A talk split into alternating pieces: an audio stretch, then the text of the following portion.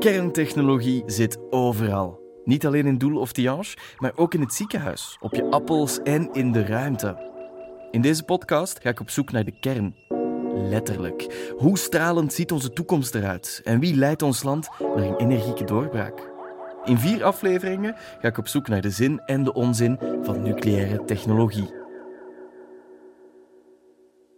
In deze aflevering trekken we op expeditie hoog in de Andes op zoek naar water. Want nucleaire hocus pocus zorgt er misschien wel voor dat we steeds meer van onze aarde te weten komen. We gaan koken met kernenergie zonder dat we het merken en we vallen heerlijk in slaap zonder het gezoem van honderden muggen.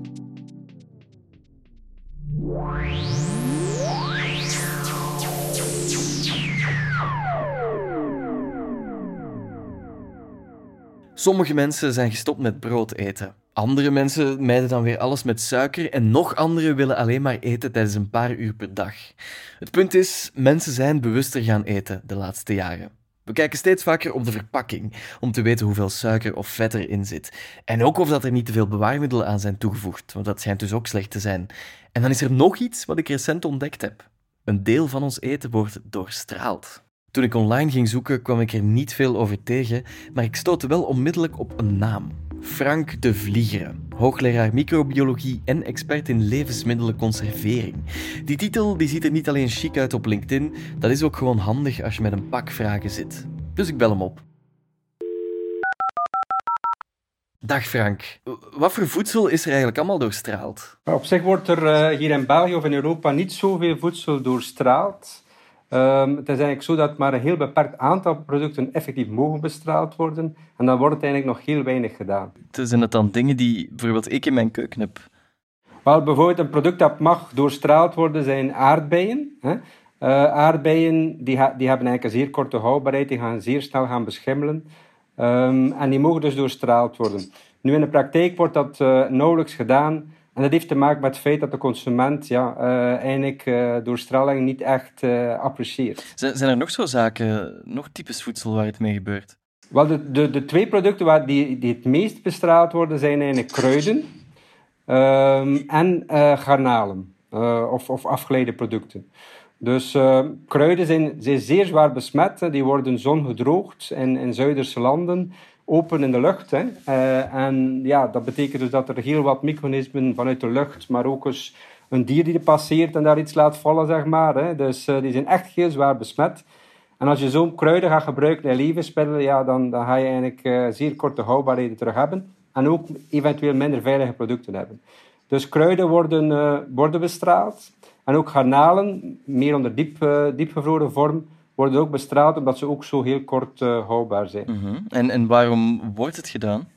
Um, en daar zijn twee redenen toe. Enerzijds om uh, micro-organismen die u ziek kunnen maken, om die eigenlijk te gaan afdoden. Dus denk bijvoorbeeld salmonella, hè, zit op bepaalde producten uh, aanwezig. En om die gaan af te doden kunnen we gaan doorstralen. Een tweede reden kan zijn om bederforganismen, dus eigenlijk micro-organismen die die producten gaan kapot maken, gaan bederven, om die eigenlijk te gaan afdoden door doorstraling en daardoor zeer kort houdbare producten een wat langere houdbaarheid te kunnen geven. Ja, en is dat op geen enkele manier gevaarlijk, dat doorstralen? Op zich is het inderdaad niet gevaarlijk, helemaal niet. Hè. Dus uh, consumenten denken wel eens iets dat bestraald is, is zelfs uh, radioactief, maar dat is helemaal niet het geval. Het is gewoon fysisch onmogelijk dat een product dat bestraald wordt zelf radioactief gaat worden. Dus uh, nee, dat is eigenlijk op geen enkele manier gevaarlijk voor de consument. Oké. Okay. Het stralen zelf, hoe gaat dat in zijn werk? Moet ik mij inbeelden dat die, dat, ja, dat die kruiden daar staan als bij de dokter met een röntgenfoto? Of hoe, hoe werkt dat? Wat zijn eigenlijk twee, twee technieken die bestaan? Uh, je hebt gamma-bestraling en je hebt uh, beta-bestraling. Dus gamma-bestraling maakt men gebruik van een isotoop. Dat is eigenlijk een natuurlijke bron die van nature uit gaat uitstralen. Hè. Men gaat eigenlijk dan het product uh, vlakbij die bron brengen. En op die manier wordt iets doorstraald. Een, de, beta-straal, uh, de beta-straling is een andere manier. Daar gaat men een elektronenversneller gebruiken. Men gaat eigenlijk elektronen altijd maar sneller en sneller en sneller laten lopen, totdat ze een bepaalde snelheid hebben die voldoende is om, om eigenlijk een, een effect te hebben als doorstraling. Er zijn natuurlijk ook wel tegenstanders, hè? sowieso van, van, van het hele proces. Ja, dat klopt inderdaad. En, en, en goed, er zijn, er zijn twee belangrijke problemen met doorstralen, zeg maar, als je van, gebruik maakt van isotopen. Dat is één, uh, ja, stel dat er uh, iets zou gebeuren, ik zeg maar een aardbeving of een vliegtuig zou uh, op die installatie gaan neerstorten. Hè. dan zou in principe straling kunnen vrijkomen, maar die installaties zijn dusdanig berekend dat ze daar eigenlijk bestand tegen zijn. Dus dat risico is dusdanig klein, dus dusdanig uh, verzekerd, hè, dat dat eigenlijk niet kan voorkomen. Vandaar dat het ook maar in één installatie in België mag gebeuren. Hè. Dus dat, dat is het eerste probleem die er potentieel is, maar het eigenlijk niet is door de grote beveiliging. En het tweede probleem is dat door het gebruik van isotopen er uiteindelijk radioactief afval zal geproduceerd worden. Die isotopen nemen steeds af in, in, in sterkte. En op een bepaald moment zijn ze niet sterk genoeg meer, maar gaan ze wel nog altijd een bepaalde straling gaan hebben. En dit, dit is dan radioactief afval geworden. Ja? En dat is in feite een belangrijke reden waarom dat bepaalde mensen daar tegen zijn. En dat is ook voor stuk terecht. Hè? Dus men moet ergens wel weg kunnen met dus die, dat radioactief afval. Wanneer je nu met die uh, tweede techniek gaat werken, dus die, die elektronenversnellers, ja, dan heb je dat helemaal niet meer. Dus het radioactief afval wordt niet meer geproduceerd, en het toestel kan gewoon aan- en afgezet worden. Dus die, die beta-stralen, die een nieuwe techniek zijn, ja, die, die zijn eigenlijk veel, uh, veel interessanter. Maar toch kunnen we het niet toepassen, omdat de, ja, de consument eigenlijk het niet wil. -hmm. als, het, als het zo weinig kwaad kan, waarom, ja, waarom willen ze dan niet doen? Waarom hebben we er dan zo'n schrik van? Het is puur een eh, perceptie van de consument, want het is eigenlijk een fantastische techniek. Hè? Je moet weten dat er heel veel mensen een voedselvergiftiging opdoen jaarlijks. Hè? In Europa en België zijn er duizenden mensen die ziek worden door het eten van levensmiddelen. Uh, en dit kunnen we in belangrijke mate eigenlijk gaan beperken door producten te doorstralen. Maar de consument uh, staat daar zo negatief tegenover dat een producent dat gewoon niet wenst te gebruiken. En dat is eigenlijk echt wel jammer, maar we zouden veel veiliger producten kunnen op de markt brengen. Um, wanneer heeft u zelf voor het laatst bestraalde voeding gegeten, weet u dat? Goh, ik, uh, ik, denk dat ik dat, zonder dat ik het zelf besef, al regelmatig uh, eet. Hè. Dus ik, wellicht zal dat wel in de laatste twee, drie weken een keer gebeurd zijn. Uh, dat ik iets met kruiden heb gegeten die uiteindelijk bestraald geweest zijn. ook als ik thuis kook, gebruik ik kruiden. En vaak zijn dat bestraalde kruiden. Hè. Dus op zich uh, gebeurt dat wel regelmatig een keer. Dat is op zich geen enkel probleem.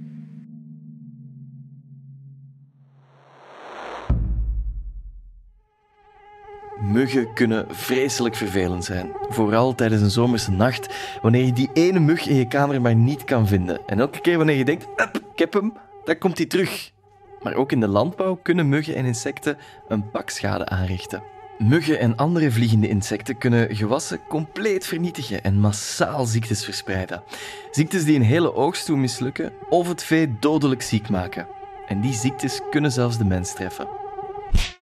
Well, insects have always been a problem, uh, and and we here at the at the, laboratory we have been trying to work for the last uh, 40, 50 years on developing, you know, uh, techniques that uh, make uh, you know control tactics more efficient and especially more friendly uh, to the uh, environment. I don't know, there are probably something like 10,000 uh, insect and mite species described that are really pests, you know, for agriculture, for livestock, or for, for human health. And uh, especially in the last uh, 80 years, most of these insects, they have, or, or these pests, they have been, you know, uh, managed or controlled by the massive use of insecticides. And I don't have to explain to you that this is obviously a big problem not only for you know the farmer who has to use these insecticides, but also for you know the environment. You kill a lot of you know non-target insects, and it's very bad for you, the consumer, because you know there'll always be insecticide residues. Insecticides of pesticides brengen een heel pak ongezonde en ongewilde neveneffecten met zich mee. Ze zijn vaak niet alleen vreselijk slecht voor het milieu, ze blijven ook plakken op groenten of producten die wij eten wat uiteraard niet erg gezond is. We moeten dus andere manieren vinden om die slechte insecten weg te houden van onze gewassen. En ik had, zoals dat deze dagen gaat, een Zoom-call met een man die daar al 30 jaar mee bezig is. Okay, my name is Mark uh. I am originally from, from Belgium, uh, but I've left my country in 1986. So I have been uh, working abroad for a very, very long time. Ik spreek nog wel Nederlands, maar het is zeer moeilijk voor mij om Nederlands te spreken over mijn werk. En zijn werk, dat is al 30 jaar lang de wereld insectenvrij maken. Of toch ongeveer. Hij deed dat 12 jaar lang in Afrika en sinds een dikke 10 jaar is hij het hoofd van de pest control van het IAEA. E dat is het Internationaal Atoomenergieagentschap. Zijn specialiteit? SIT-technieken onderzoeken en uitwerken over de hele wereld. SIT, dat is de zogenaamde steriele insectentechniek. Dat is eigenlijk een soort van anticonceptie, maar dan voor muggen. In SIT, what you do is you bring the insect that you would like to control, you bring that into the laboratory. You take the male sex and you sterilize it using ionizing radiation, which can be gamma rays or X rays. And then you release those sterile males into the target area. And what's going to happen? They're going to seek out the virgin females of their own kind. They're going to mate. And because the sperm is sterile, there is going to be no offspring. Muggenmannetjes onvruchtbaar maken, zodat die muggen zich niet meer als konijnen kunnen vo Allee, als muggen kunnen voortplanten. This is visible in the next generation because there will be no offspring. So in the next generation, you will see there were there will be less uh, insects. And if you do this long enough, you will see that you get a decline in your population and you can even drive certain populations into extinction. De mannetjesmuggen worden dus in een labo gesteriliseerd met gammastralen. Niet stuk voor stuk, maar met hopen tegelijk. En daarna worden ze weer vrijgelaten en zo verkleint op natuurlijke wijze de hoeveelheid muggen. Soms zelfs tot ze helemaal uitgestorven zijn. Klein beetje zoals met zwerfkatten dus. Maar dan toch wat anders. Het is een grootschalige aanpak, maar op die manier heeft het ook een grootschalige impact op een groot gebied. Iets wat ze al jaren aan het toepassen zijn in Guatemala. Your programs can can grow very very big. You know, we have supported for 40 years a project in Guatemala where they are producing uh, up to 3 billion sterile males per week. 3,000 million in sterile insects per week. Yeah. And they are all released over the border area of uh, Mexico with Guatemala to protect uh, you know, the fruit industry in Mexico and, and the United States. So it, it, you know, it is possible to produce huge amounts of insects. Elke week 3 biljoen gesteriliseerde fruitvliegen. En dat om fruit veilig te houden voor de Mexicaanse en Amerikaanse markt. Maar ook wij mensen kunnen door die techniek veilig en gezond gehouden worden. And I was uh, working for eight years on the island of Zanzibar, where we managed to eradicate uh, a tsetse population, you know, the Glossina uh. And um, you know, this was, I think, one of the more successful programs uh, to date. You know, the last fly was uh, trapped in 1997, and we are now 23 years later, and the island is still free of uh, of the tsetse fly and the disease it, it, it transmits. Door de techniek zijn ze in Zanzibar ondertussen al meer dan 20 jaar verlost van de tsetse-vlieg. En zoals Zanzibar en Guatemala zijn er nog honderden andere projecten. Allemaal met impactvolle resultaten. Nu, die ziektes en bijbehorende beestjes lijken misschien voor ons allemaal nogal ver weg, maar helaas komen ze door de klimaatopwarming steeds dichterbij. You know, uh, everybody talks about globalization and everybody talks about climate change. And climate change, when we talk about climate change, it, it, it you know, it, it entails, you know, the warming of the climate. And that means that a lot of these insects, you know, uh, if they are transported through globalization, you know, to these places that are warmer and they escape, they will be able to survive there. Which was not possible 20, 30 or 40 years ago. Een mug die dan misschien ook bij ons in de slaapkamer zal zoomen is de tijgermug. Een mug die zijn naam niet gestolen heeft en met een beet ook heel wat schade kan aanrichten. Now, due to climate warming, it is present from the Balkans through the whole Mediterranean basin. And it is there reproducing. And it is not only a problem as a nuisance in terms of biting, but it transmits diseases. You know, it can transmit dengue, it can transmit Zika, it can transmit chikungunya, yellow fever.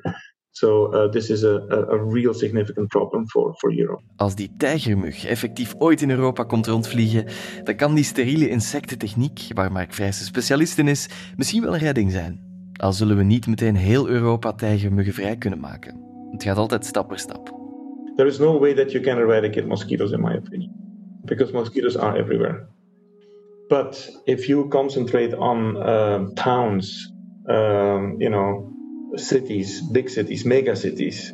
You know, uh, imagine a city like Sao Paulo in Brazil, uh, 20 million, 30 million people.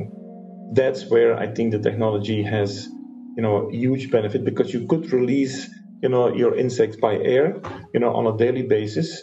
The males are always there, and you don't see the males because they don't bite, you know, and uh, you know, you keep your wild female population at a very, very low level, and and this then prevents the transmission of disease, and and this is, I think, where the future lies of you know, of uh, SIT for mosquitoes in, in, in, in this particular case. Ik vroeg me eigenlijk nog één ding af. Of professor Vrijsen na 30 jaar werken in de insectenverdelging, om het even bruut te zeggen, nu eigenlijk een geweldige hekel heeft aan muggen. Well, you, you have to make a distinction yeah, between in mosquitoes, between males and females. If you're in your bedroom and you are hearing a mosquito buzzing around your head, it's a female. You're 100% sure it's a female because it's only the females that bite. The males are harmless. Yeah. So uh, I have nothing against male mosquitoes. They don't do anything. No, I, I have you know I, I have nothing against uh, uh, uh against insects, but um, you know once they start transmitting diseases and and you know uh, coming into the way of the livelihood of, of, of people and especially poor people, then you know then there is time to do something and um, and to do it in in, in a way that is you know environment uh, friendly. Um, we are poisoning our planet, you know, with insecticides. And I think this is this is just unacceptable.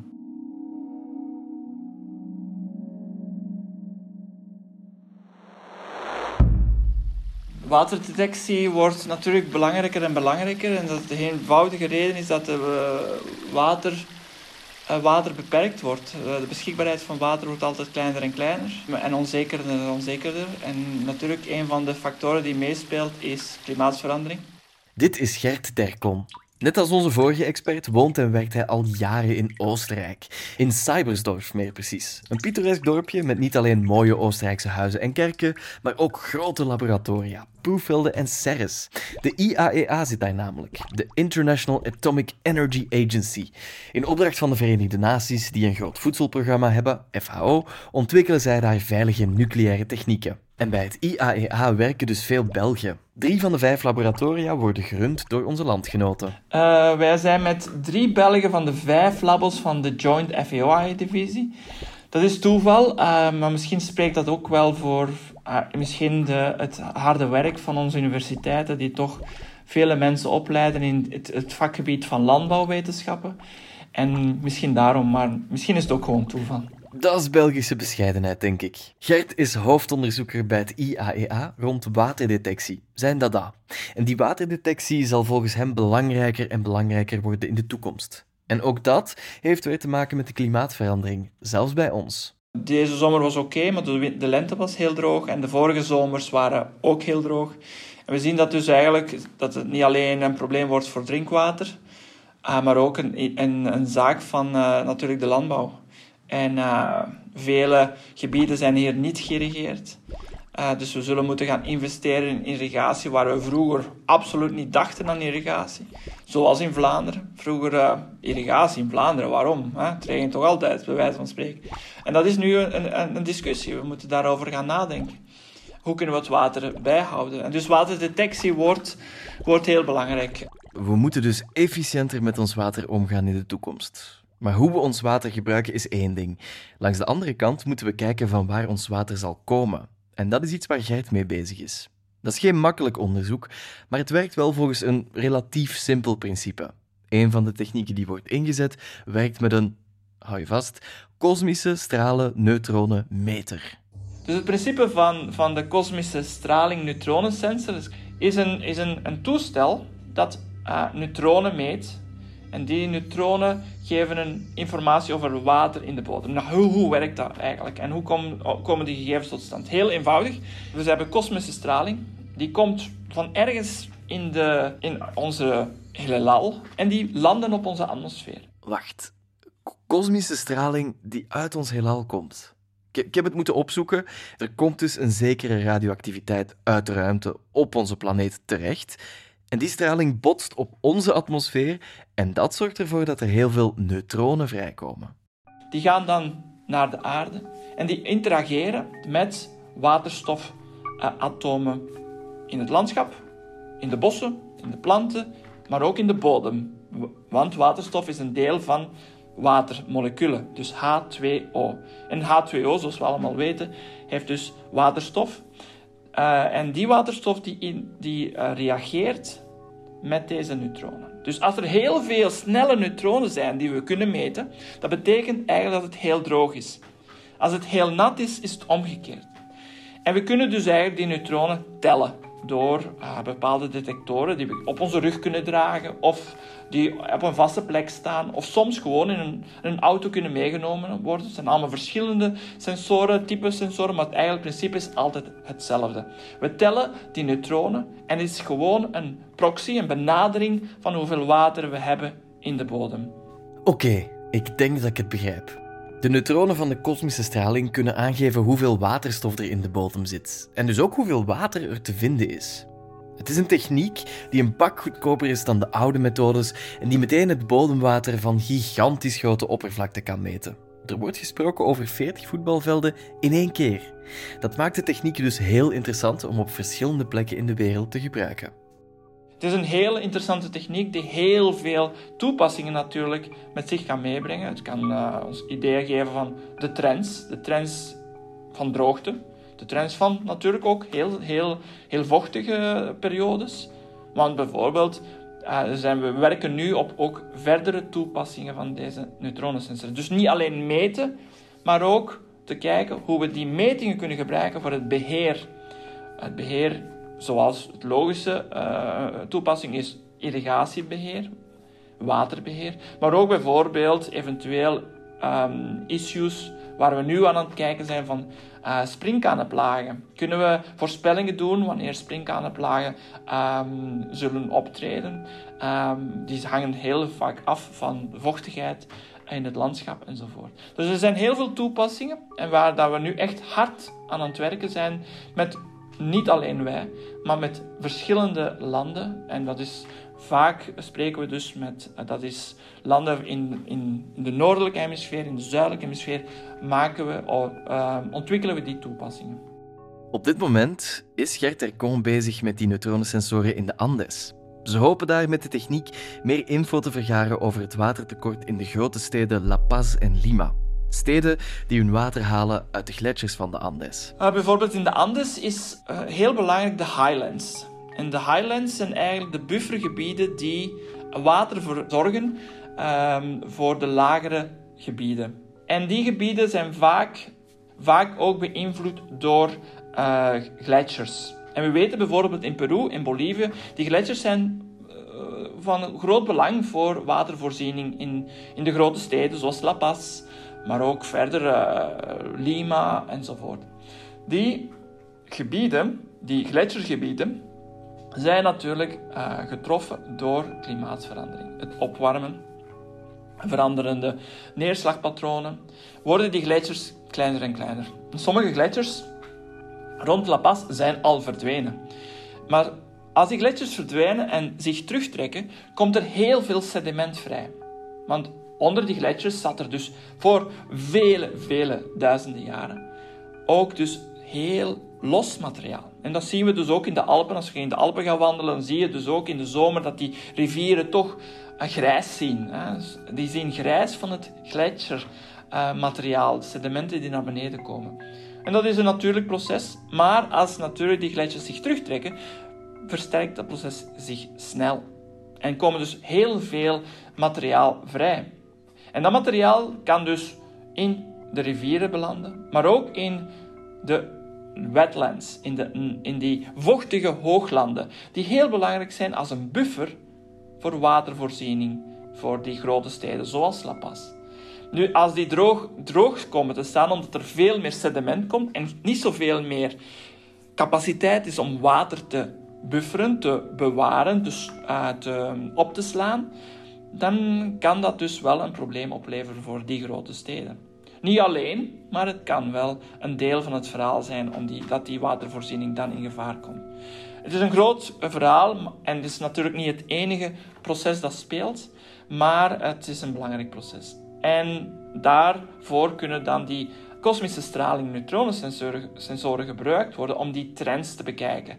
Worden ze werkelijk droger? Is het een issue? Is het een probleem? Of niet? En daarvoor kunnen we dan die kosmiek stralen neutronensensoren gebruiken. De neutronensensoren zullen op termijn heel veel info geven over wat er precies gebeurt. En zonder die info en achtergrond kan je niks veranderen aan dat watertekort. Het onderzoek is dus van levensbelang. En eenmaal je de data hebt, kan je natuurlijk kijken van, ho, we moeten hier meer reservoirs maken bijvoorbeeld, want de, natuurlijke buffercapaciteit van die hooglanden is beperkt aan het worden. En daar moeten we bijvoorbeeld de dammen verhogen of meer kleinere dammen maken die dan het water die doorstroomt door de rivieren, maar niet meer opgeslagen wordt in die natte hooglanden, toch nog kunnen opslagen. Dus het is eigenlijk het hele verhaal van te kijken van wat is de input van water en hoeveel moeten we gebruiken en hoe kunnen we die watercapaciteit, wanneer het veel water is, opslagen voor de drogere periodes. En het is natuurlijk echt een probleem. In La Paz hebben we jaren of periodes gehad waar de stad droog gelegd werd, omdat er niet genoeg drinkwater was. Dus het is een absoluut dringend probleem in de Andes. En uh, het wordt er niet beter om. Een heel groot percentage van de tropische gletsjers bevinden zich in de Andes. En die zijn echt absoluut belangrijk voor watervoorziening.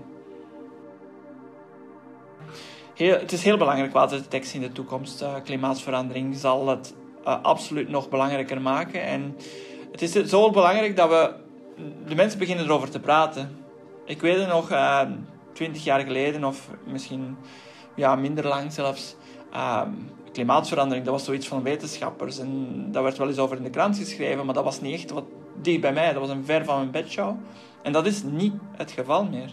Dus het, het is een dagelijks verhaal. Het is een, een, een, een, het strijden van onze boeren ook, maar ook de mensen in het algemeen, uh, die beseffen dat water niet zo evident is als we denken, denken, denken, denken, denken,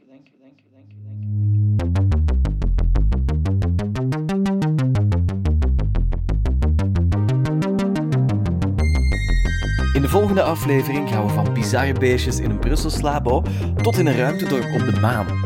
En we volgen de Autoroute du Soleil naar het zuiden van Frankrijk op zoek naar de grootste reactor ter wereld, ITER. Wil je meer weten? Ga naar nucleairforum.be.